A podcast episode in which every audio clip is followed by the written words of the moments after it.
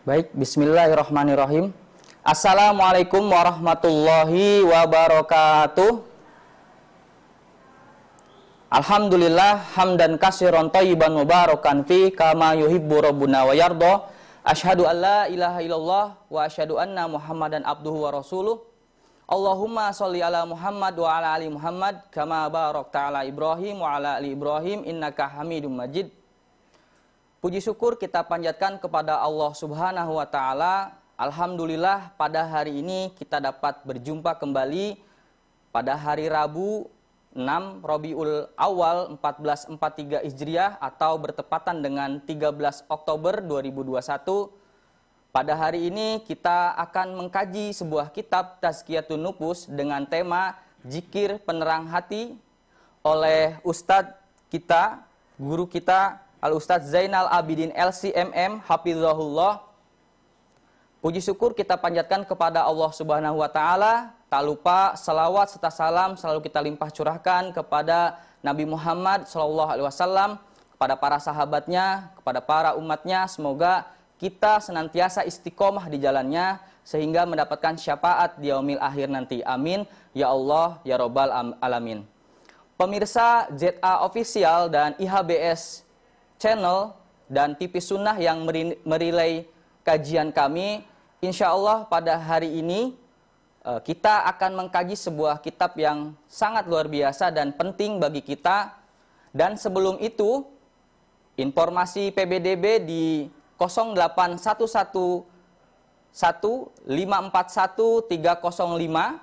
atau di website ppdb.ihbssch.id. Izinkan saya Ahmad Juremi untuk memandu satu jam ke depan dan kembali uh, untuk menjadi bagian pendukung dakwah sunnah peradaban Nusantara untuk dai dan dakwah di pedalaman terpencil dan minoritas dengan mendukung donasi infak terbaiknya di rekening BSI 2636170 atas nama dakwah Islam Cahaya Ilmu dan menjadi atau mengikuti program donasi Pondok Tahfiz Argopreneur beasiswa 100% Ibnu Hajar Indramayu di BSI 263618590. Baiklah, langsung saja kita simak dan bagi seluruh wabil khusus karyawan dan karyawati IHBS ya. Kita siapkan kita mencatat dan mengikuti semoga menjadi amal baik kita dan menjadikan ilmu bermanfaat. Amin ya Allah ya Rabbal Alamin. Uh, pada langsung kesempatan kali ini langsung saja untuk kita simak, marilah kita simak dengan tema Jikir Penerang Hati oleh guru kita Ustadz Zainal Abidin LCMM Hafizahullah. Kepada Al Ustadz kami silakan. Assalamualaikum warahmatullahi wabarakatuh. Waalaikumsalam. Alhamdulillahilladzi arsala rasulahu bil huda ودين الحق ليظهره على الدين كله ولو كره المشركون. أشهد أن لا إله إلا الله وحده لا شريك له وأن محمدا عبده ورسوله. اللهم صل وسلم وبارك على محمد وعلى آل محمد كما صليت على إبراهيم وعلى آل إبراهيم إنك حميد مجيد. Saudaraku seiman dan seislam Wabil khusus karyawan, karyawati, ibu, bapak, guru Terutama para pimpinan yang ada di Yayasan Cahaya Ilmu dan juga Lembaga Pendidikan Ibnu Hajar Boarding School. Dan juga tidak lupa saya sampaikan selamat mengikuti lewat streaming atau TV-TV sunnah, TV-TV Islam yang merilai, yang mengikuti kajian ini. Semoga Allah Subhanahu wa taala berikan hati yang lapang, jiwa yang tenang, pikiran yang fokus untuk mengikuti kajian kita yang insya Allah sebagai makanan rohani kita, sebagai obat duka lara kita, dan yang tidak kalah pentingnya, sebagai cara dan alat untuk mempererat hubungan kita secara benar dengan Allah, itu tidak ada kecuali dengan ilmu. Ilmu itulah yang menyambungkan secara baik kita dengan Allah terutama ilmu Alkitab was Sunnah. Ilmu kaitannya dengan Al-Quran dan Sunnah. Makanya Rasulullah Sallallahu Alaihi Wasallam mengupamakan Al-Quran itu sebagai habl ya tali tali antara kita dengan Allah satu dipegang oleh hamba, yang satunya dipegang oleh Allah. Sehingga ketika kita berpegang teguh, maka nyambung. Ya. Makanya Rasulullah katakan, Taraktu fikum amraini. Aku telah tinggalkan kalian dua perkara. In, ini in. In tamassaktum bihima kalau kamu berpegang teguh dengannya. Lan kalimat ta'bid kalimat yang menunjukkan pengabadian tidak akan selamanya tersesat. Kitabullah wa sunnati. Kitabullah dan sunnah Rasulullah sallallahu alaihi wasallam. Nah, pembahasan kita kali ini adalah zikir penerang hati. Ya. Yeah. Zikir penerang hati. Subhanallah. Zikir itu dahsyat. Sebagaimana yang telah disampaikan oleh Rasulullah sallallahu alaihi wasallam di dalam hadis yang dikeluarkan oleh Imam At-Tirmidzi yang disahihkan Syekh Nasiruddin Al-Albani rahimahullahu ta'ala. Ala unabbi'ukum bi khairi a'malikum? Apakah kamu mau saya sampaikan, kabarkan tentang amal yang paling baik? Wazkaha inda malikikum. Lebih bersih di sisi raja di rajamu yaitu Allah. Subhanallah. Wa arfa'iha wa arfa'iha fi darajatikum paling tinggi di antara derajat yang ingin kamu capai. Wa huwa khairun lakum min infaqi dhahabi wal wariq itu lebih baik buat kalian ketimbang infak emas dan perak. Wa khairun lakum min an talqawna aduwakum lebih baik juga dibanding kamu ketemu musuhmu. Wa tadribuna a'naqahum wa a'naqahum kalian penggal leher-leher mereka. Wa yadribuna a'naqakum. Mereka juga memenggal leher kalian. Subhanallah. Satu amalan yang lebih baik dari seluruh sisi amalan termasuk jihad fisabilillah termasuk infak. Apa itu? Zikrullah. Subhanallah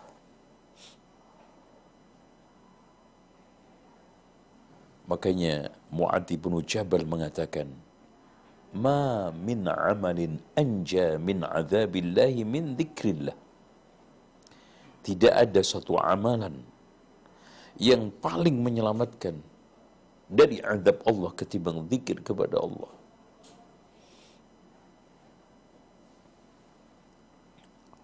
Nah, sekarang zikir itu selalu berpadu dengan syukur. Syukur bisa berpadu dengan zikir. Makanya Allah Subhanahu wa taala merangkai hal ini banyak sekali di dalam Al-Qur'an dan Sunnah. Rasulullah di sunnahnya. Di antaranya adalah fadhkuruni azkurukum washkuruni wa la takfurun.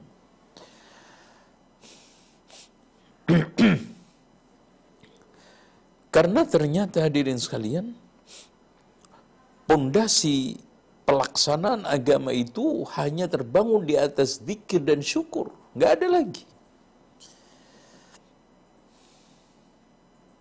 Makanya Rasulullah katakan, Allahumma inni ala zikrika wa syukrika wa husni ibadatik.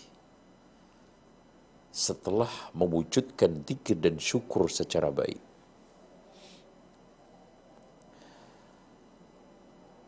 Dan zikir itu mencakup zikir sebagai implementasi penghayatan kita terhadap asma wa sifat dan juga termasuk kaitannya uluhiyah rububiyah. Zikir wa dzikru amrihi wa nahyi ya. Mengingat nama dan sifat Allah bersama konsekuensinya, mengingat perintah dan larangan Allah untuk dijalankan dan perintah eh larangan ditinggalkan. Zikir. Jadi setiap saat kita dituntut untuk ingat nama dan sifat Allah bersama konsekuensinya. Contoh, kita kalau ingat Allah maha mendengar konsekuensinya, apa saja suara yang saya sampaikan akan didengar Allah subhanahu. Bagaimana tidak menjadi amalan yang dahsyat. Ketika kita itu ingat perintah Allah, wah, solat jamaah wajib. Maka pada saat itu kita terdorong untuk solat jamaah. Zakat wajib terdorong untuk apa namanya? Bayar zakat memakai hijab itu wajib, terdorong untuk pakai hijab. Makanya awalnya adalah zikir, ingat. Dan ingat larangan Allah. Ghibah, ingat dilarang Allah. Namimah, ingat dilarang Allah. Menipu, ingat dilarang Allah. Korupsi, judi, melacur, mencuri, semuanya ketika seorang hamba itu ingat bahwa mencuri itu haram, dia tidak akan mencuri. Minimal ada penghalau. Kalau dia sekarang itu ingat korupsi itu haram, menipu itu haram, riswah itu haram, maka dia tidak lakukan. Tuh. Tapi kenyataannya seperti itu. Manusia itu banyak ghaflah, lalai wa dzikruhu bi kalami dan ingat akan kalamullah. Masya Allah bahkan puncak daripada zikir adalah kita membaca sambil mengingat menyadari merenungkan kalamullah yang ada di dalam Al-Qur'an. Huruf berhuruf, kalimat berkalimat, ayat per ayat. Wa dzalika yastalzimu ma'rifatahu itu akan memberikan konsekuensi kita akan kenal Allah. Makanya, kenapa majlis ilmu itu dikatakan majlis dzikr? Idza marartum biriyadil jannati farta'u. Jika di antara kalian mengingat, mengetahui, mendapati taman surga, hendaklah bersimpuh. Apa yang dimaksud taman surga? Halqatu dzikri halaqah zikir karena di situ kita diingatkan Allah wujudnya rububiyah uluhiyah asma wa sifatnya diingatkan larangan Allah untuk ditinggalkan diingatkan perintah Allah untuk dijalankan dibacakan ayat-ayat Allah Subhanahu wa taala. Dari situ tumbuh kita ma'rifat kepada Allah, iman kepada Allah, kesempurnaan sifat-sifatnya dan jalalnya. Wa thana'u bi anwa'il madah. Dzalika la yatimmu illa bitauhidih. Dan itu ternyata tidak akan sempurna semua kecuali dengan tauhid. Dengan demikian puncak daripada zikir adalah apa? Tauhid dan dikir sebetulnya adalah perwujudan daripada tauhid yang asli. Itu. Dan itu adalah zikir yang hakiki. Zikir yang sejati adalah mewujudkan tauhid baik itu rububiyah, uluhiyah, asma wa sifat. Karena pada akhirnya zikir itu mengerucut mengagungkan membesarkan Allah baik dari sisi wahdaniyahnya, uluhiyahnya, rububiyahnya, asma wa sifahnya. Bukankah itu semua maknanya adalah tauhid?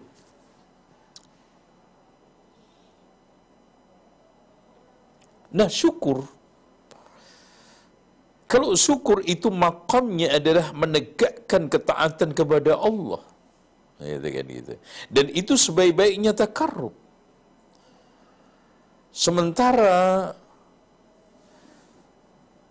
Zikir adalah mengingat perintah Allah. Berarti di sini Masya Allah. Tadi. Kalau syukur sebagai bentuk realisasi pelaksanaan perintah Allah, zikir memberikan konsekuensi pengenalan perintah Allah, maka betul tadi dikatakan landasan asas utama agama adalah zikir. Kemudian syukur. Zikir sebagai ungkapan ma'rifat ma'rifatullah, uluhiyah, rububiyah. Syukur sebagai bentuk konsekuensi realisasi. Jadi kalau kita mengakui la ilaha illallah tidak ada Tuhan yang berhak disembah kecuali Allah dan Allah memerintahkan saya untuk sholat.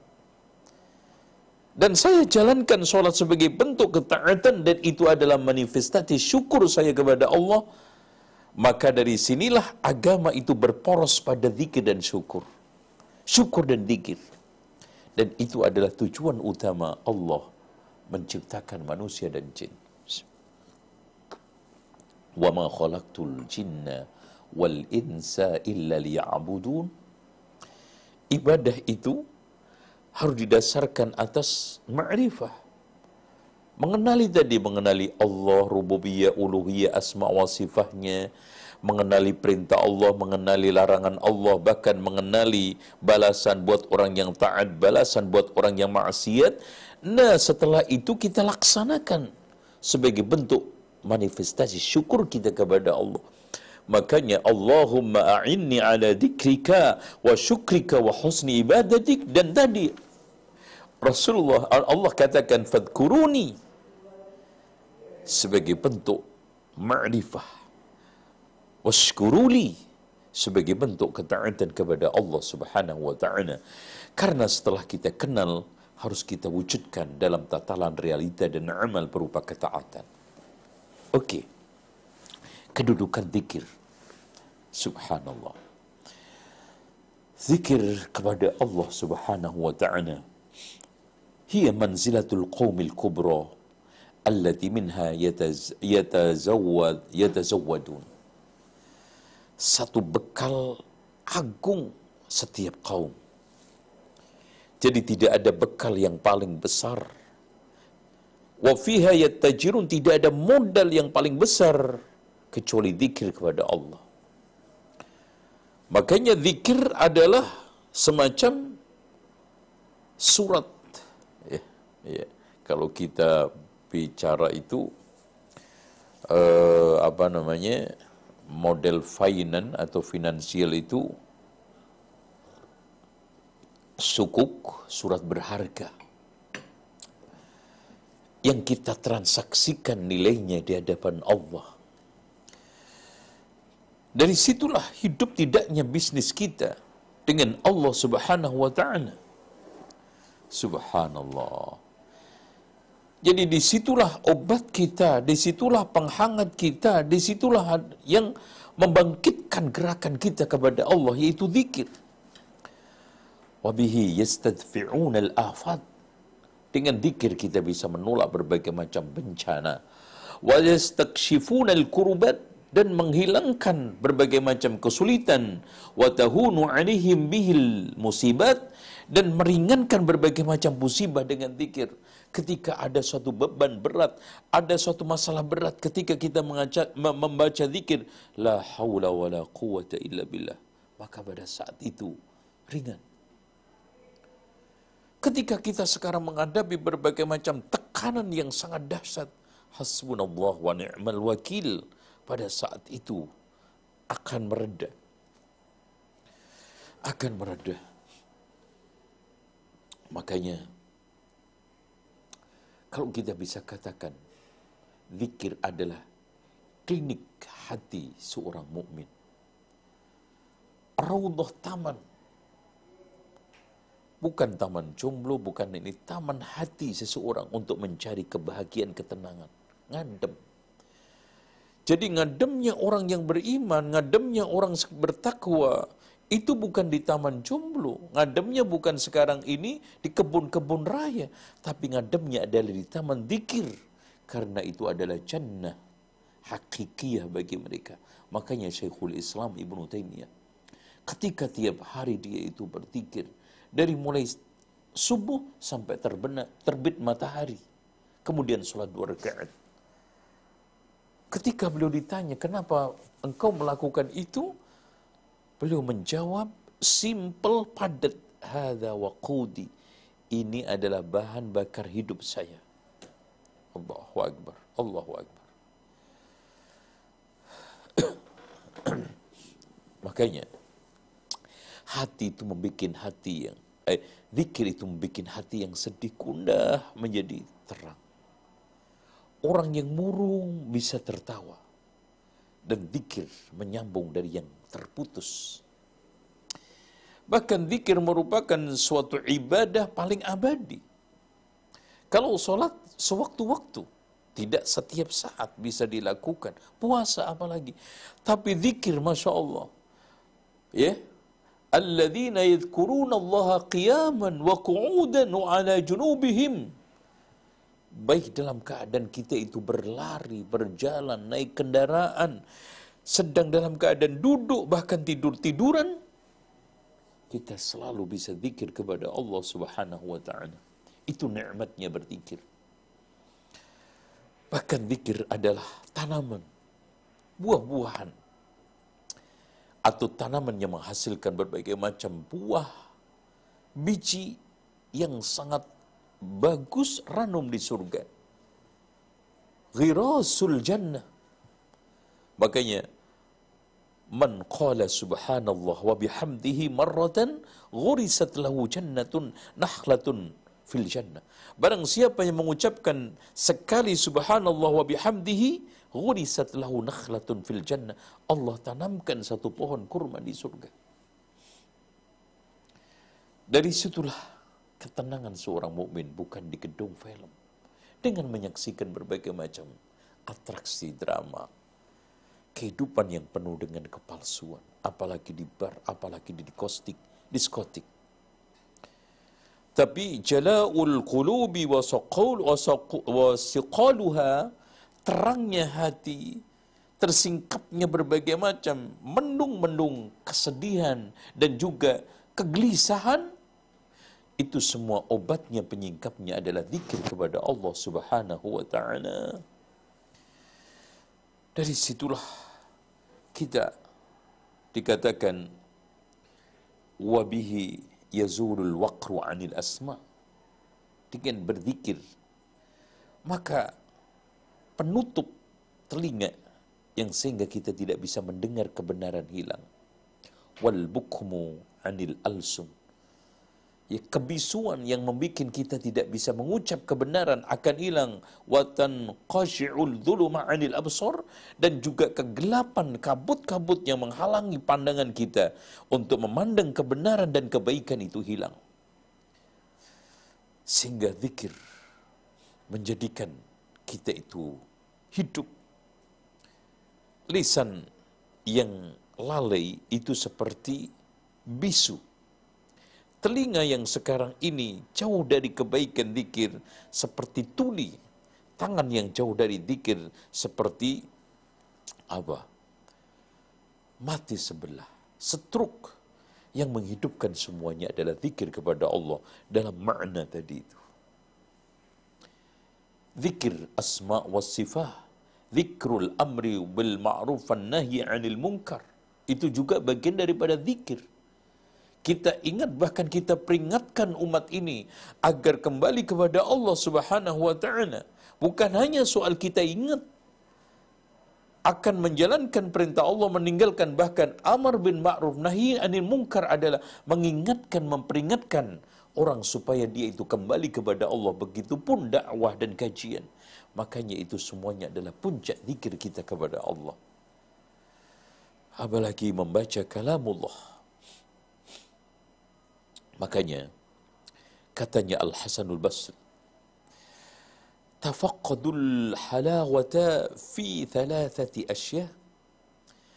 Carilah lezatnya ini apa? Ibadah. Manisnya berbagai macam beragama. Hubungan kita dengan Allah. Lezatnya rohani ekstas secara rohani di dalam tiga hal fis solati di dalam solat. Makanya Rasulullah SAW ketika merasa gundah hati dan pikiran, dia mengatakan kepada Bilal, Ya Bilal arihni bis solat. Istirahatkan aku dengan solat. Beda kita, sekarang kita capek, kita gelisah. Arihna minas solat. Istirahatkan aku dari solat. Bukan arihna bis solat. Istirahatanku dengan solat. Beda. Kalau istirahat dari sholat, ingin cepat-cepat selesai, ingin jauh dari sholat, ingin apa namanya lepas dari berbagai macam beban-beban sholat.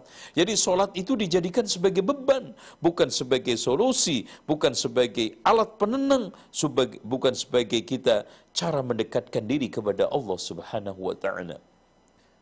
Kalau Rasulullah SAW mengatakan, Arihna ya Bilal bis salah. Wa fi di dalam zikir kepada Allah. Makanya zikir itu ala bi dzikrillah tatmainnul qulub. Yang ketiganya adalah wa qiraatil Quran dengan qiraatul Quran. Jadi siapa yang sekarang ini bisa mencari ketenangan di tiga itu, solat, dikir, membaca Al-Quran, Masya Allah. Fa in wajatum wa illa, tapi Masya Allah ini tolong perhatikan ikhwah sekalian. Dan ini pelajaran buat saya sendiri. Siapa yang sudah tidak mendapatkan ketenangan dari sholat, dari zikir, dari membaca Al-Quran. Kata kata, kata Al-Hasan al-Basri apa? Fa'alamu annal baba mughlaqun pintu untuk mencari ketenangan tertutup. Sudah. Jadi siapa yang tidak mencari ketenangan dengan solat, dengan dikir dan dengan membaca Al-Quran, atau sudah bersolat, sudah zikir dan sudah membaca Al-Quran, tapi tidak menemukan ketenangan. Subhanallah. Ketahuilah, pintu untuk mencari ketenangan sudah tertutup, tidak temu lagi. Makanya kita juga sambil koreksi kenapa saya tidak sholat? Dan kemudian setelah sholat, kenapa saya sudah sholat? Tetapi kehidupan saya masih kacau balau. Saya sudah berzikir kepada Allah, tetapi sampai hari ini belum menemukan ketenangan.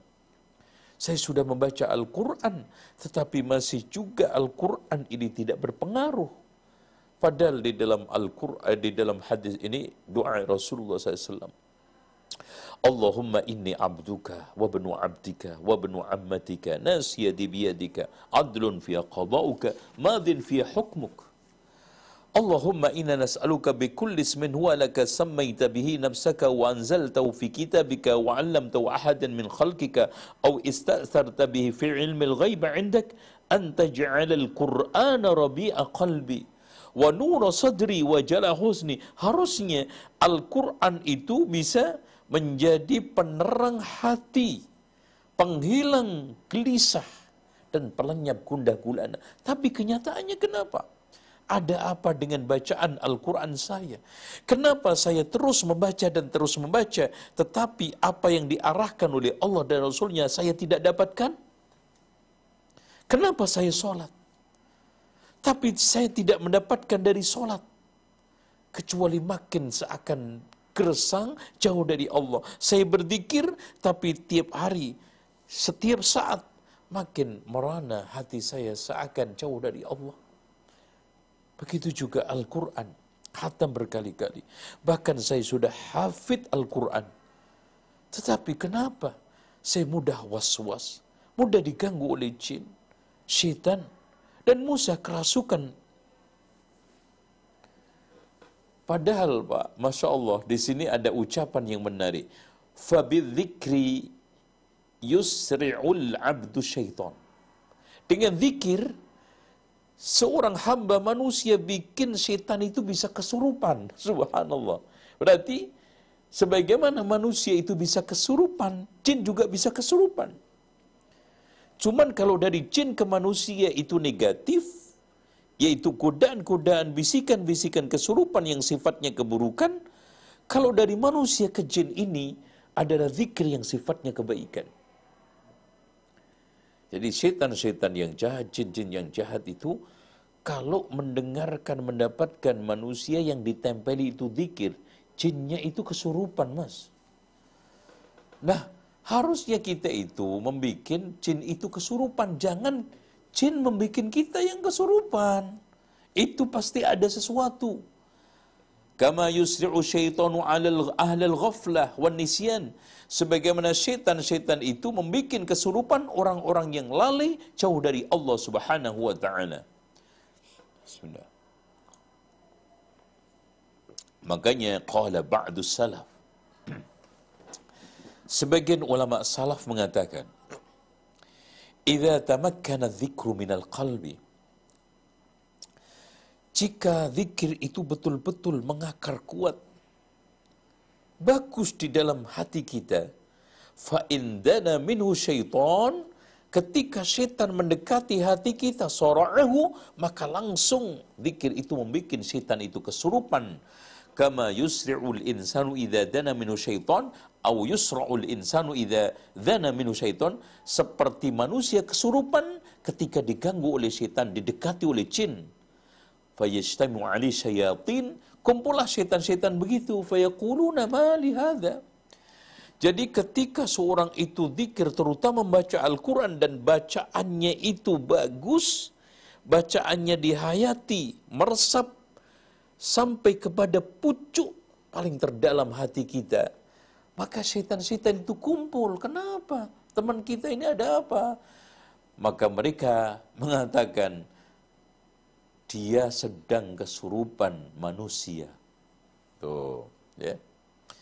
Jadi di kalangan jin itu juga terjadi kesurupan. Tetapi kesurupan karena zikir manusia. Bacaan Al-Quran manusia.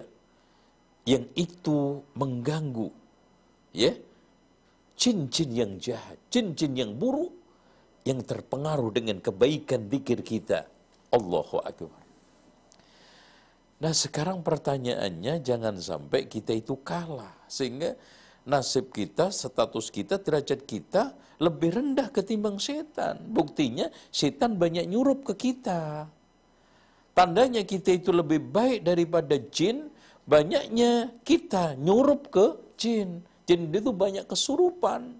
Ya, karena zikir kita, bacaan Al-Quran kita, dia ngoseng, dia oleng, terganggu.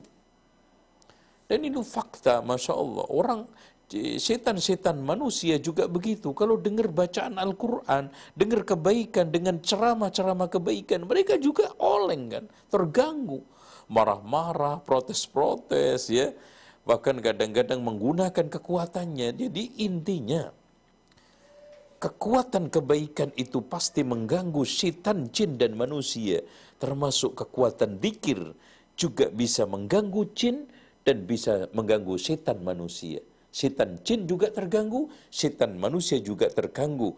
Cuman terganggunya syaitan jin ini mirip kesurupan seperti kesurupannya manusia dengan jin, tetapi terganggunya setan manusia itu masih sadar, masih waras tetapi marah-marah, ngomel-ngomel, menimbulkan fitnah, melakukan agitasi, provokasi, sehingga terjadilah berbagai macam intrik-intrik kejahatan kepada orang-orang baik. Ya, dan itu menunjukkan kebenaran apa yang dikatakan oleh Abu Umama Al-Bahili. Jadi seorang mukmin dalam setiap saatnya itu tidak lepas dari empat musuh. Yang pertama orang kafir yang senantiasa ingin memerangi kita. Makanya ketika mereka ada celah, ada peluang, perang ya perang. Yang keduanya adalah orang munafik yang memusuhi kita Gak perang tetapi permusuhan urat syarab. Dan yang ketiganya adalah orang mukmin yang hasad kepada kita, mukmin. Tetapi di sana masih ada juga permusuhan berupa apa? Hasad, iri, dengki. Nah, yang keempatnya, setan yang selalu ingin menggelincirkan kita, menggoda kita, membisiki kita dari jalan yang lurus sehingga terhempas. Makanya Allah berpesan kepada kita, wala tattabi'u khutuwati syaitan. Jangan ikuti tapak-tapak syaitan karena menggoda.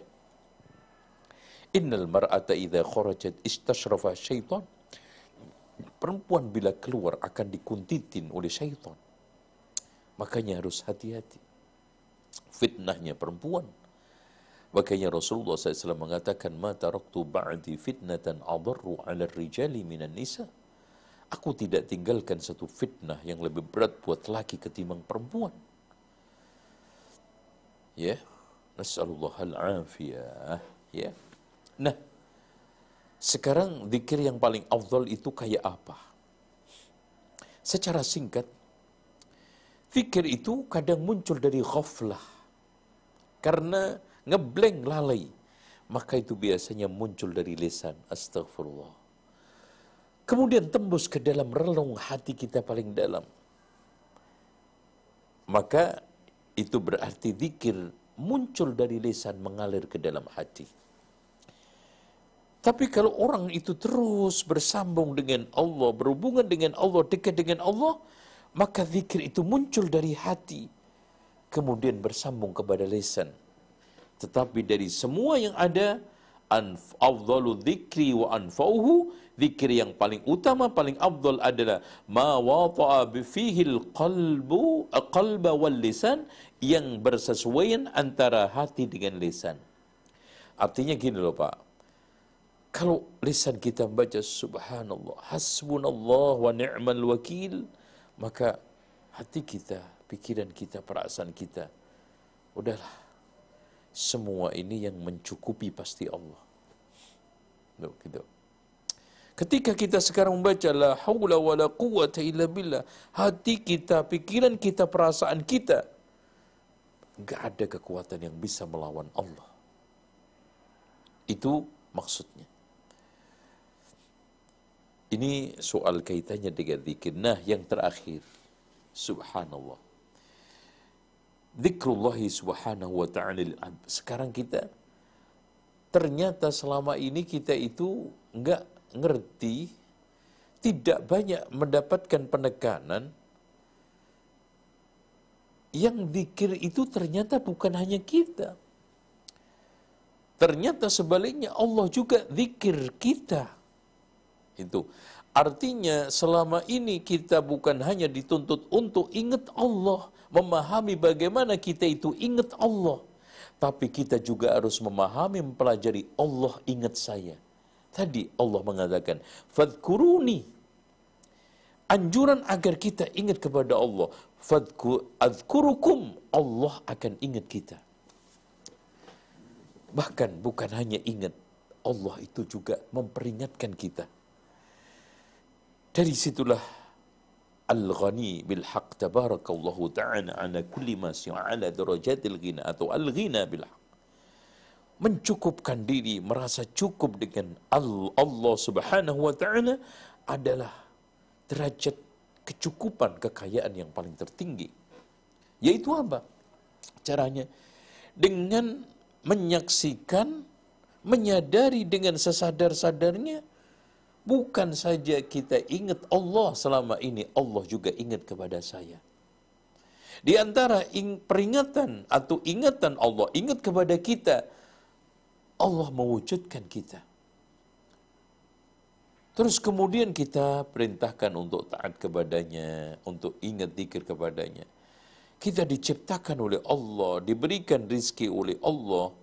Ketika kita sekarang dijatah oleh Allah, ketika kita saat diciptakan si fulan, ya, umpamanya si fulan Muhammad bin Muhammad, ketika saat itu Allah mengetahui, Allah mengenali secara rinci makhluk per makhluk yang akan dan telah yang sedang diciptakan dan telah diciptakan. Rizkinya juga begitu. Ini jatahnya rizki untuk si fulan. Subhanallah. Fadkuruni adkurkum. Bentuk ingatnya Allah kepada kita adalah kita diberikan rizki oleh Allah. Allah menciptakan, eh, Allah mentakdirkan ciptaan kita, Allah mentakdirkan rizki kita, Allah mentakdirkan amalan kita, dan Allah baik kepada kita. Fabi ayyi ala'i rabbikuma tukadziban. Bahkan seluruh nikmat Allah yang kita diberikan kepada kita bentuk ingatan Allah kepada kita. Bentuk daripada azkurkum aku akan ingat kalian.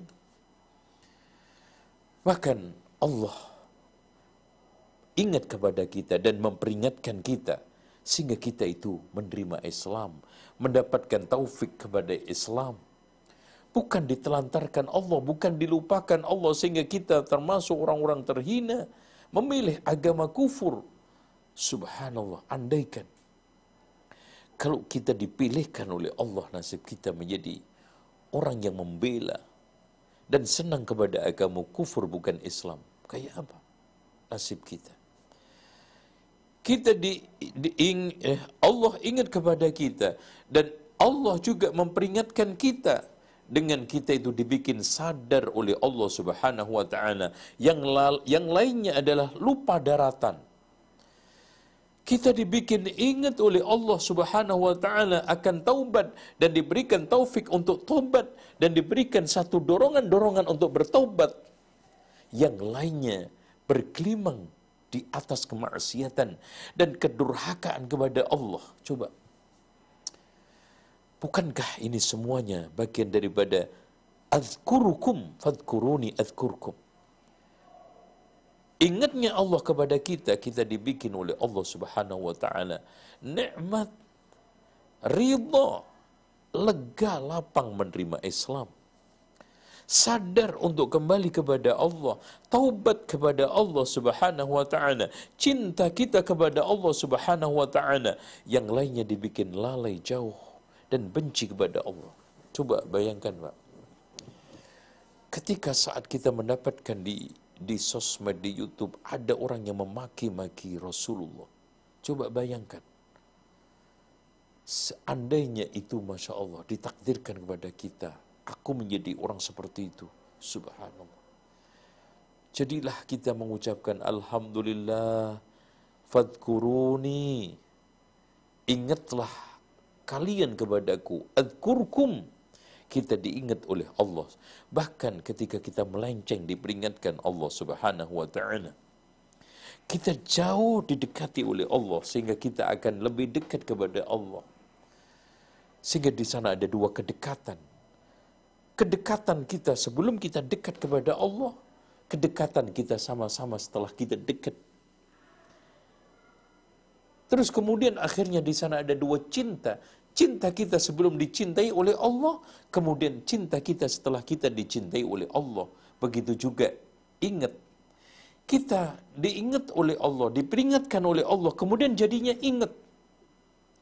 Dibikin jatuh sakit. Itu sebetulnya adalah bentuk kita itu diingat Allah. Dan akhirnya diperingatkan Allah. Dan akhirnya saya jadi ingat ya Allah. Ini adalah teguran. Saya jatuh bangkrut dalam usaha. Ya Allah, ini adalah teguran. Akhirnya kita jadi dekat kepada Allah. Rajin sholat, rajin sedekah, tidak bakhil. san, sangat sayang kepada fakir miskin yang selama ini tega, boleh, yang selama ini jauh dari berbagai macam kebaikan, jarang tahajud, bahkan tidak pernah kenal mengenal tentang majlis, tentang masjid. Sehingga dengan kita diingat Allah, kemudian diperingatkan Allah, kita akhirnya jadi sadar. Makanya seluruh apa saja yang melewati orang-orang mukmin itu sebetulnya tidak ada yang buruk. Makanya dari sinilah kita dianjurkan untuk menerima takdir khairihi wa syarrihi. Karena khair wa syarrih. Kalau kita akhirnya sadar kembali kepada Allah, semuanya mengandung kebaikan. Falawla, ya. Sehingga ketika kita ini mengenal Allah, bertauhid kepada Allah, mahabbah, khauf, raja, tawakal, wal inaba, wa taqrabil, fahadha kulluha atharu dhikrihi laka. Jadi, dengan masya Allah ya saya ber, ber, bersyukur lagi. Saya diingat Allah. Kemudian akhirnya diperingatkan Allah. Akhirnya men, ditunjukkan oleh Allah ke jalan salafus salih. Hidayah agama. Itu tidak mudah. Makanya ketika penghuni surga masuk surga pertama kali yang disyukuri adalah faqalu alhamdulillahilladzi hadana lihada wa ma kunna linahtadiya laula an Allah Bukankah suatu ingat dan peringatan Allah kita dibikin takut korupsi dan memandang buruk terhadap korupsi. Coba bayangkan kalau kita tidak diingat dan tidak diperingatkan Allah. Memandang korupsi sebagai sesuatu yang biasa. Selingkuh dan pelacuran merupakan suatu perkara-perkara bagian daripada kehidupan saya yang nempel lekat. Bohong, dusta, tidak jujur menjadi bagian akrab dari kehidupan kita subhanallah. Makanya ya ikhwan itu merupakan pemberian dari Allah. Makanya dalam doa yang diajarkan Rasulullah maqsim lana min khasyatika ma tahulu bihi bainana wa baina Ya Allah berikanlah kami karunia rasa takut yang membentengi aku dari maksiat kepadamu. Min ta'atika ma tuballighuna bihi jannatak. Dari ketaatan yang menghantarkan aku ke surga. Wa minal yaqin ma tuhawwinu 'alaina masa'ibad dunya. Allahumma matti'na bi asma'ina wa basarina wa quwwatina abatan mahyitana waj'al waritha minna waj'al tha'rana 'ala man dhalamana wansurna 'ala man adana wa la taj'al musibatana fi dinina Ya Allah, janganlah jadikan musibah ini menimpa agama. Jadi, seluruh apa saja kenikmatan dohir dan batin, rizki, termasuk pangkat jabatan, itu semuanya adalah bentuk daripada ingatnya Allah kepada kita dan peringatan kepada Allah kepada kita kita disuplai dengan berbagai macam kenikmatan sebagai wujud kebaikan dan karunia Allah kepada kita yang Allah nggak butuh kita. Allah juga tidak memiliki apa pun pamrih akan kebaikan itu. Nggak ada feedback yang dia tunggu, nggak ada suatu cashback yang dia nanti, dan tidak ada tick and give yang dibutuhkan oleh Allah Subhanahu wa taala karena wahwal ghaniyul hamid dia adalah maha cukup kaya al-hamid terpuji. Dengan demikian kalau seandainya ada aliran nikmat sekecil apa pun yang mengalir kepada kita fa'lam ketahuilah itu semua adalah bentuk ingatnya Allah kepada kita dan peringatan Allah kepada kita. Maka betul-betul jadikan itu sebagai peringatan dan antum harus tetap ingat kepada Allah Kenapa? Kalau tidak, Allah akan mencabut semua itu. Karena fatkuruni adkurku. Berarti kalau antum nggak ingat, Allah nggak ingat juga, cabut. La, in syakartum la azidannakum wa la kafartum. Berarti kalau nggak ada syukur, cabut. Dicabut. Jadi jangan merasa kita itu sekarang tenang, aman di atas satu uh, kursi yang empuk, ya di atas satu jabatan yang mewah. di menara gading yang sekarang tidak bisa disentuh oleh kekuatan dan kekuatan manusia, kekuatan dan kekuasaan manusia, Anda akan aman tidak. Ketika Anda tidak menjalankan fadkuruni, maka Allah tidak akan fadkurukum. Artinya kalau antum tidak ingat Allah, Allah tidak ingat antum. Kalau antum tidak syukur kepada Allah, maka Allah akan cabut. La in syakartum la azidannakum wa la in kafartum inna azabi lasyadid. Makanya Allah Subhanahu wa taala itu. Diingat. Bukan dilupakan. Ya disyukuri bukan dikufuri. Ditaati bukan untuk dimaksiati Nah ketika saat seorang hamba mengetahui betul-betul secara dalam menyaksikan secara utuh, secara zahir batin Allah itu ingat kepada kita dan memberingat, memberikan peringatan kepada kita. Maka pada saat itu Allah akan menempati pada dirinya kebaikan Allah, rahmat Allah, karunia Allah itu penuh. Sehingga pada saat itu dia akan dicukupkan dengan Allah. Hatinya akan kaya bersama Allah.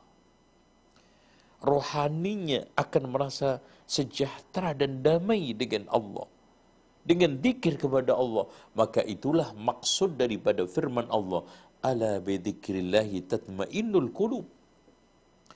Karena sudah tidak ada ruang-ruang kosong lagi untuk selain Allah tidak ada lagi sekarang ini pojok-pojok yang kosong yang bisa diisi selain Allah. Entah itu nafsu, syahwat, syaitan. Semuanya terpenuhi dengan dikir kepada Allah subhanahu wa ta'ala. Di samping itu kita juga ingat kebaikan Allah.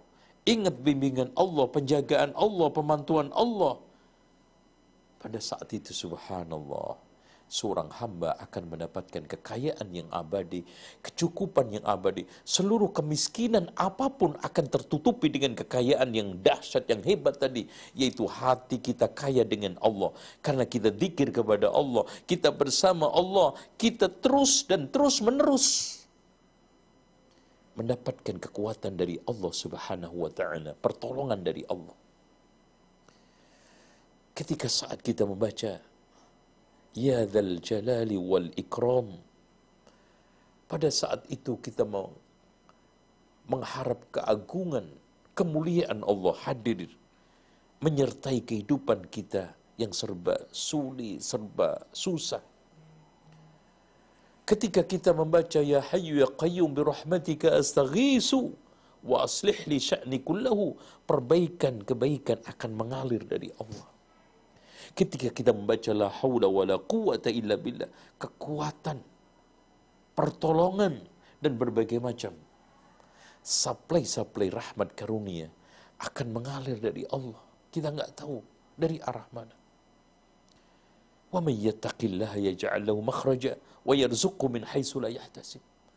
Ketika kita membaca la ilaha illa anta subhanaka inni kuntu minadh dhalimin pada saat itu akan terjadi pertolongan yang sangat dahsyat.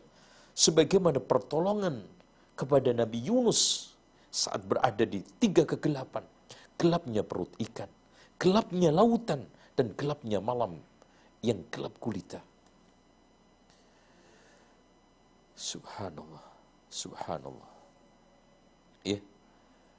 Begitu juga ketika membaca astaghfirullah wa atubu ilaih. Hasbunallah wa ni'mal wakil. Subhanallah walhamdulillah wala ilaha illallah wallahu akbar.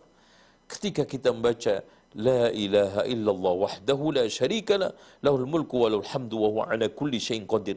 Memenuhi pikiran kita, perasaan kita, hati kita tidak ada celah sedikit pun yang kosong untuk syahwat kita, untuk dunia kita, nafsu kita, apalagi syaitan. Pada saat itulah hamba akan menjadi orang yang kuat, tegar, kaya cukup karena dicukupkan oleh Allah Subhanahu wa taala. Wallahu a'lam bishawab. Demikian. Sekarang kita akan buka tanya jawab. Fadhal silahkan. Barakallahu fikum kepada guru kita Al Ustadz Zainal Abidin LCMM Hafizahullah. Luar biasa sekali pemaparannya dan semoga kita selaku yang mendengarkannya dapat mengamalkan dengan baik. Tadi sudah dipaparkan bahwa zikir itu mendekatkan cinta kita kepada Allah Subhanahu wa taala dan kita dicintai oleh Allah Subhanahu wa taala. Dan majlis ilmu adalah majlis zikir taman surga Subhanallah luar biasa. Nah, eh, Bapak Ibu, pemirsa IHBS Channel dan ZA Official, menginjak acara selanjutnya adalah dialog interaktif. Bagi eh, pemirsa yang ingin bertanya, silakan melalui nomor 0811 8033 389. Silahkan kepada pemirsa yang ingin bertanya di nomor WhatsApp yang ada di bawah e, layar kaca. E, untuk itu kita jeda terlebih dahulu sebelum dialog interaktif kepada kru di silakan.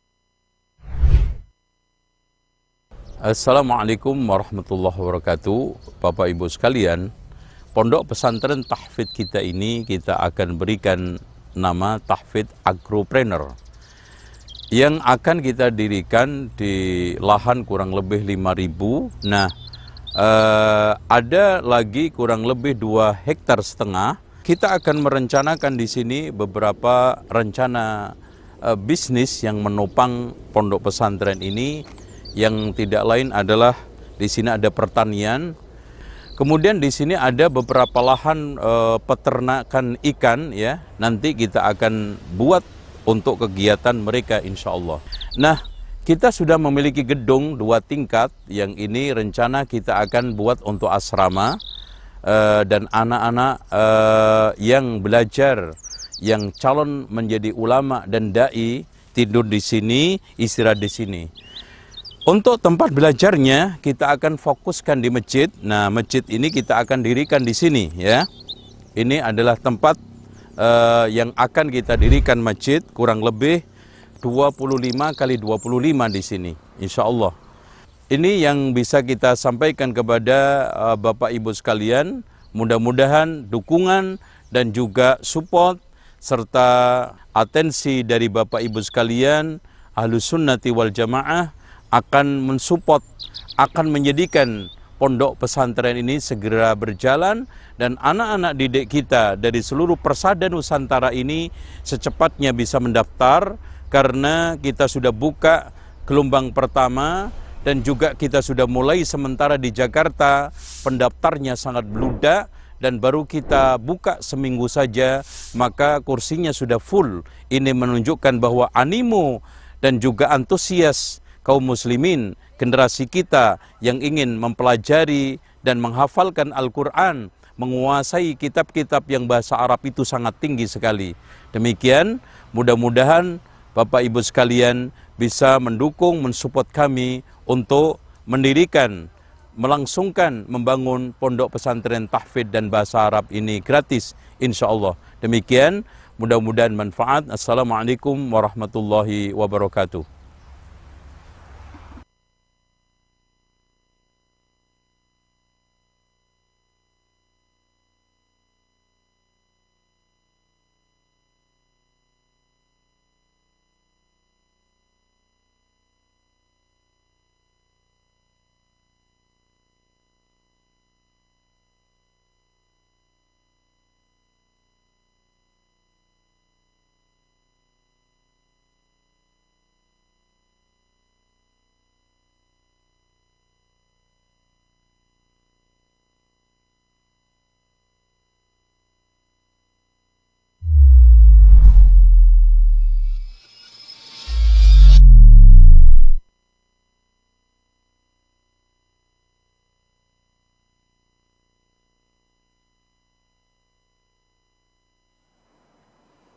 Baik, eh, terima kasih kepada seluruh pemirsa IHBS Channel dan JA Official yang senantiasa menyimak kajian kami.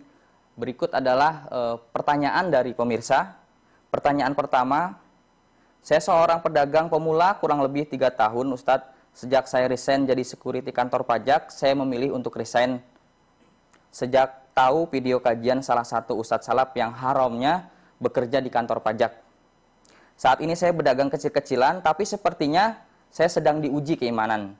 Dengan kesempitan rezeki, yang ingin saya tanyakan mengenai keutamaan sedekah sebagai seorang pedagang yang katanya bisa menambah memperlancar rezeki, saya bingung mana yang lebih dahulu atau diutamakan, infak ke keluarga, istri, atau infak ke masjid, anak yatim atau semisal. Selain itu juga saya memper banyak jikir pagi dan petang. Syukron, jazakumullah khairan, afwan kepanjangan. Mangga Ustaz. Taib. Sebelum antum berbicara masalah sedekah, sebelum antum berbicara masalah kekuatan-kekuatan langit, dan itu memang perlu, antum juga perbaiki bisnis dari mulai Eh, pertama adalah manajemen. Terus kemudian adalah jaringan.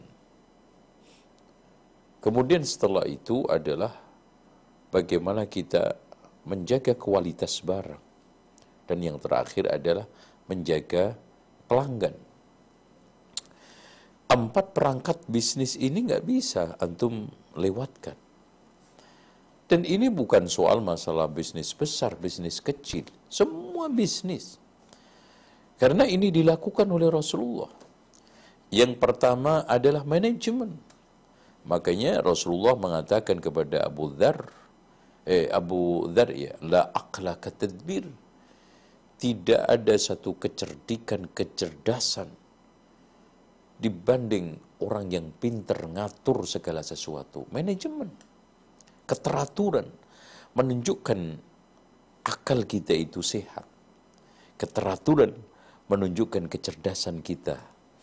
Keteraturan menunjukkan berbagai macam kebaikan-kebaikan yang kita jalankan. Dan manajemen itu mengatur. Kemudian yang kedua, antum bangun jaringan. Karena kalau mau barang atau jasa dibutuhkan jaringan untuk mendapatkan jas uh, barang yang lebih murah di mana? Sehingga kita nanti bisa menjual lebih murah. Kalau jasa, jasa bagaimana kita mendapatkan pelayanan-pelayanan jaksa ini yang bagus? Contoh, antar barang. Wah, ekspedisi ini lebih baik, ini lebih baik. Kemudian yang tidak kalah pentingnya setelah jaringan, antum juga jaga pelanggan kita setelah kita menjaga pelanggan kualitas barang kita. Jadi jangan kita itu berharap dengan tadi oke okay, berdoa dan yang lainnya. Tetapi ternyata barang antum kalah di persaingan global atau persaingan di sekitarnya deh. Contoh kecil. Antum jualan nasi goreng. Ternyata di kanan kirinya juga jualan nasi goreng. Tapi kalau nasi goreng antum itu enak, ada satu kelebihan-kelebihannya, maka akan dicari orang. Begitu juga bakso. Begitu juga mungkin rujak, hanya sekedar rujak. Coba bayangkan, hanya karena lidah nyaman, orang itu cari rica-rica itu sampai ke sawah-sawah, ke kampung-kampung. Kenapa? Memang cocok. Nah ini kita harus perbaiki dulu. Empat yang pertama manajemen, yang kedua jaringan, yang ketiga kualitas barang, yang keempat adalah pelanggan. Nah baru setelah itu kita Astaghfirullahaladzim atau bacalah hawla wala quwata illa billah atau kita tawassul lewat salat duha kita atau kita sedekah lah soal masalah sedekah itu memang kita diutamakan kepada keluarga karena itu silatun wasodakotun silaturahmi sekaligus sedekah. Bahkan Rasulullah mengatakan wa adamuha ajron dinarun yunfikuhu rajul ala iyali. Sebaik-baik dinar adalah satu dinar yang diinfakkan untuk keluarganya. Ya, untuk keluarganya. Wallahu a'lam bishawab. Baik. Selanjutnya, Assalamualaikum Ustadz. Ana dari Lampung mau tanya, Ana Ya. diundang di acara cukuran anak yang baru lahir. Hmm. Ternyata dalam acara itu ada amal-amalan seperti tahlil dan doa bersama. Kemudian pulangnya diberi nasi kotak dan Hmm. kue. Apakah nasi dan kue itu halal buat saya? Terima kasih. Kalau selain sembelihannya silahkan makan. Ya. Tetapi jangan lagi eh, berharap-harap kondangan kayak seperti itu. Bahkan antum ber- beristighfar kepada Allah tentang makanan-makanan yang dihasilkan dari berbagai macam perayaan termasuk juga kematian dan yang lainnya maka makanlah kecuali sembelihannya ya. Dari buah-buahan dari kue-kue nasi dan yang lainnya silahkan ya. Wallahu a'lam. Baik, selanjutnya Bismillah, Assalamualaikum Ustadz Afwan izin bertanya dan mohon nasihatnya. Ana pernah melakukan onani dan Ana sangat menyesal sekali Ustadz Taubat seperti apa yang bisa Ana lakukan Agar Allah mengampuni dosa-dosa Ana Dan tidak melakukan onani lagi? Sukron jazakumullah khairan. Taib. Ya, begini. Onani itu merupakan satu perbuatan yang secara medis itu tercela. Karena begini, Pak. Eh, tangan itu akan merusak syaraf-syaraf kemaluan. Sehingga orang yang sering-sering melakukan onani itu akan merusak sel-sel syaraf yang ada di kemaluan sehingga tidak sensitif. Itu satu. Kemudian yang kedua, bisa akan juga menyebabkan kemandulan.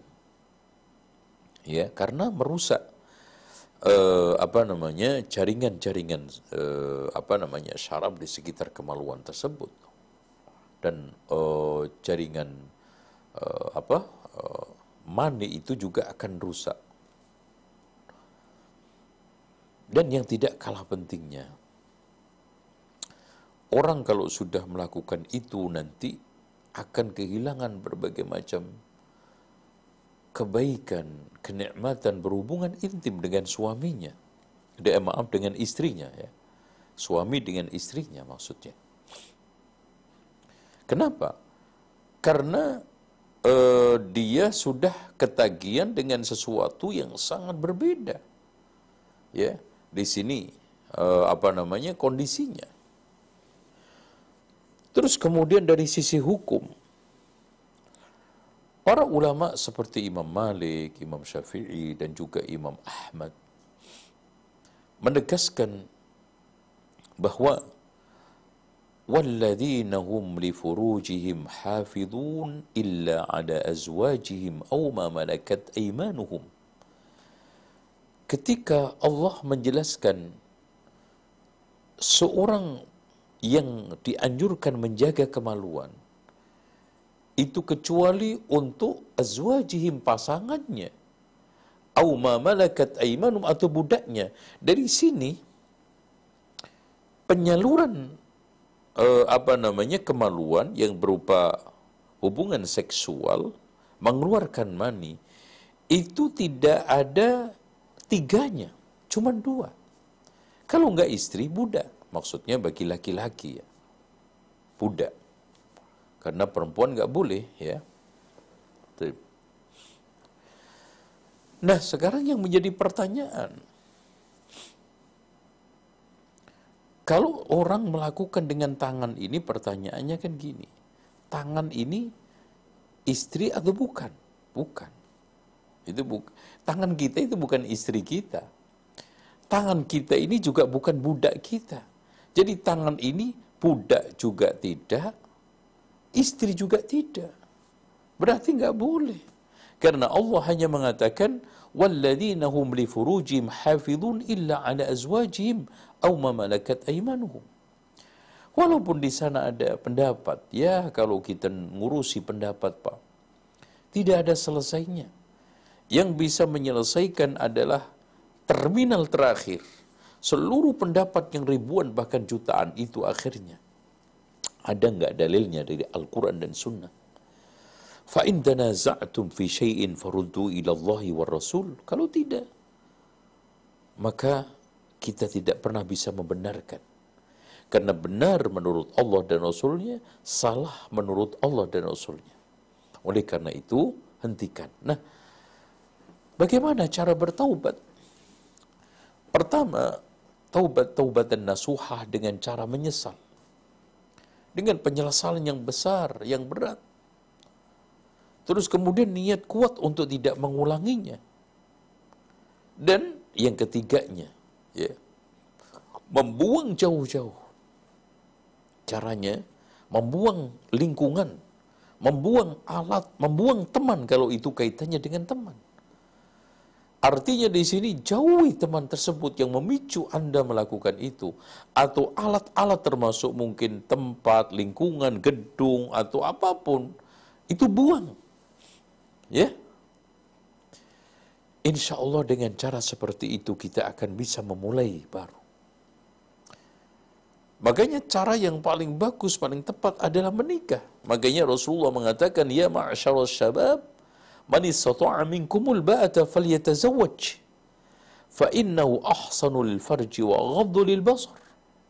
Wahai para pemuda, hendaknya kalian menikah. Kalau sudah punya ba'a, punya kemampuan.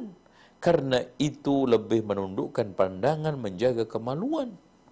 Fa illam tastati kalau tidak mampu fa alihi bisyam fa innahu lawija puasa. Berarti alternatif untuk penyaluran syahwat kita terapi syahwat kita itu menikah istri. Kalau enggak budak yang ketiganya puasa.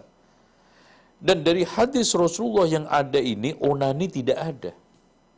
Rasulullah sudah syariat sudah menawarkan istri ya azwaj atau budak atau puasa. Kalau tidak, maka tidak ada alternatif selain itu. Artinya selain itu, sudah dikasih alternatif seperti ini, maka itu adalah racun, maka itu adalah celaka, maka itu merupakan suatu suatu penyimpangan ya. Wallahu a'lam bishawab demikian. Ada lagi yang tanya? Barakallahu barakallahu fikum Ustaz ya. selanjutnya diingatkan kembali kepada pemirsa yang ingin bertanya mungkin di line interaktif 0811 541 305. Silakan. Assalamualaikum. Ada? Silakan Bapak atau Ibu. Baik. Ya. Ya, langsung di layanan uh, WhatsApp kami di dari saya baru menikmati indahnya manhaj salaf Ustadz. Bagaimana pendekatan yang baik menjalani kehidupan pernikahan bila berbeda manhaj? Uh, ini bahaya. Makanya saya tegaskan kepada antum, antuna semua, ya laki perempuan, terutama perempuan. Ya usahakan nikah itu laki-laki yang bisa merawat surga, akhirat, yang bisa menyelamatkan neraka saya. Itu nomor satu. Ar-rijalu qawwamuna 'ala nisa. Karena laki itu punya daya tekan, punya daya kekuatan untuk apa namanya melakukan berbagai, macam kebijakan-kebijakan yang istri itu di bawah di bawah aturan. Kalau istri tidak bisa me mengikuti aturan ya repot juga. Makanya utama pertama dasar sikap perempuan adalah ketaatan. Utama per pertama dasar sikap laki-laki adalah kepemimpinan. Jadi kepemimpinan datang dari laki-laki, ketaatan datang dari istri. Kalau itu maka bertemu, maka di situlah kepemimpinan yang penuh dengan ketaatan, ketaatan yang berdasarkan kepemimpinan. Dan dasarnya supaya jalan, maka harus dihiasi dengan kebenaran dan kesabaran. Kebenaran dari seorang pemimpin, kesabaran dari seorang pemimpin. Kebenaran dari seorang rakyat yang taat dan juga sabar dari seorang rakyat. Ketika dua-duanya itu benar dan sabar, insya Allah yang memimpin dan yang dipimpin akan membuahkan satu kebahagiaan.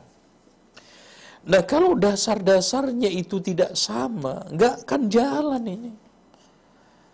Pemimpinnya menginginkan A, ini menginginkan B. Dia memimpin, memerintahkan kemaksiatan, coba. Melanggar syirik dan yang lainnya, coba. Gimana? Dari situlah kita harus sinkronisasi ya dengan akidah, dengan manhaj, dengan cara beragama yang lurus yang benar menurut Al-Quran dan Sunnah. Insya Allah ya. Dan indah itu bukan berarti sesuatu yang mulus, lempeng, tanpa ujian ya. E, nanti ada guncangan-guncangan. Nah, antum belum dikuncang itu. Wazulzilu hatta yaqula Rasul mata nasrullah. Sampai Rasul aja itu mengatakan, baik, kapan pertolongan Allah? Diguncang, diuji dengan berbagai macam ujian. Nah, di situlah nanti antum akan betul-betul diketahui betul-betul komitmen konsisten setelah ujian. Bahkan apa hasibatum annama khalaqnakum abasan wa annakum ilaina la turja'un? Enggak mungkin. Hasiban nasu ayyutraku ayyakulu amanna wa hum la yuftanun? Apakah manusia itu menyangka setelah dia itu beriman tidak, tidak diuji, nggak mungkin. Pasti diuji. Pasti diuji. Pasti mendapatkan cobaan. Isbir hatta talqawni fil haud. Sabarlah, kata Rasulullah, sampai engkau ketemu aku di telaga. Wallahu a'lam fikum Ustaz atas jawabannya. Mungkin eh, dari pemirsa yang ingin live di 0811 1541 305 ada? Ya, silakan Bapak Ibu yang dirahmati Allah. Ya. Assalamualaikum. Gak ada? Gak ada mungkin. Ya. Ustadz, ada pertanyaan lagi. Ustadz, bolehkah salah satu jikir pagi dan sore dibacakan ketika sujud? Taib.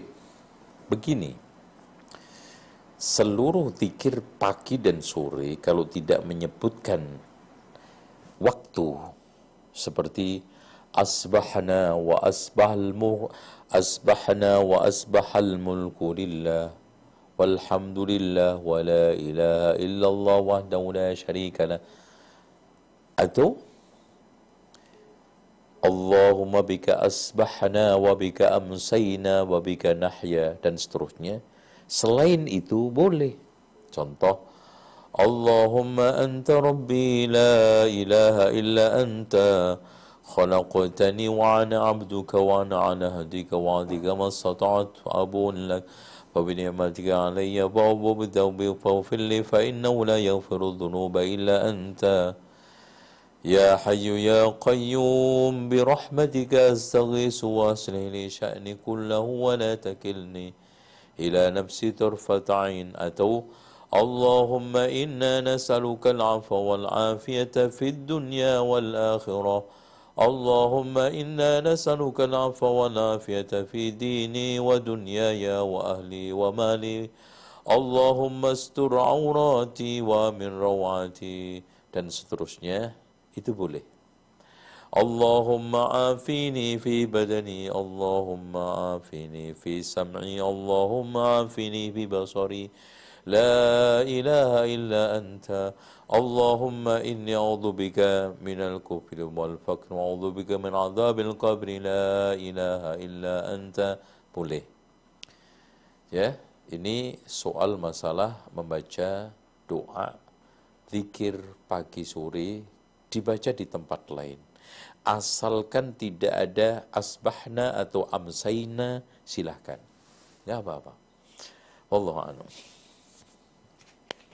Baik, barakallahu fikum Ustadz atas ilmu yang bermanfaat pada hari ini di kitab Tazkiyatun Nufus, Zikir Penerang Hati. Mungkin terakhir closing statement dari Ustadz, monggo dipersilakan.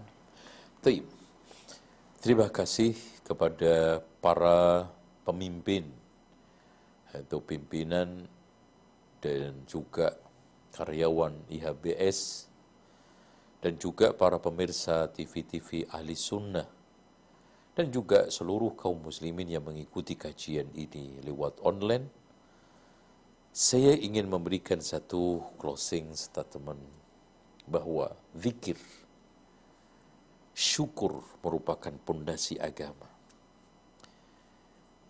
dan itu akhirnya mengerucut kepada tauhid.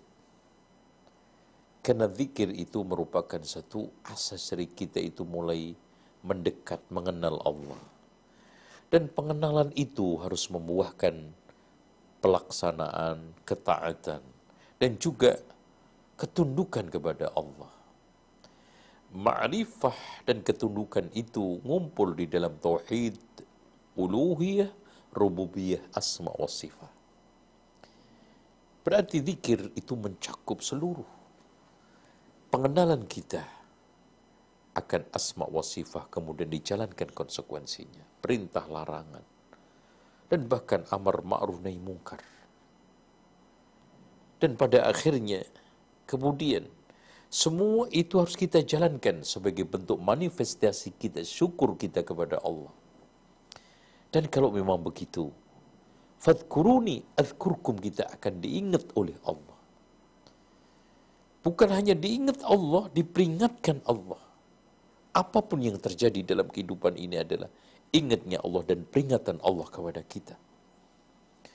Oleh karena itu, kita jaga. Apa pun dan sekecil apa pun kenikmatan yang diberikan Allah adalah bentuk daripada zikir Allah kepada kita ujian, cobaan, juga zikir Allah kepada kita. Perintah larangan juga termasuk zikir kita Allah kepada kita. Eh, kamu sholat jamaah, eh, kamu puasa. Kita diingatkan Allah. Akhirnya kita ingat Allah. Diingatkan Allah dengan sholat, eh sholat jamaah, kita sholat ingat. Kita diingatkan Allah dengan apa namanya tauhid kita akhirnya mentauhidkan Allah. Diingatkan dengan iman kita beriman kepada Allah. Diingatkan ketaatan akhirnya kita taat kepada Allah. Fadkuruni adzkurkum washkuruli wala takfurun. Makanya betul kata Al Hasanul Basri carilah ketenangan. Hidup hati ada di tiga. Salat zikir membaca Al-Quran Karena puncak daripada zikir adalah kiraatul Quran. Membaca, merenungi kalamullah, ucapan Allah, pesan-pesan Allah. Mau'idah yang datang dari Allah subhanahu wa ta'ala. Demikianlah aku qawli hada. Wassafirullah li walakum. Wassafirullah al-adim. Inna allaha huwal ghafurur rahim. Wassalamualaikum warahmatullahi wabarakatuh.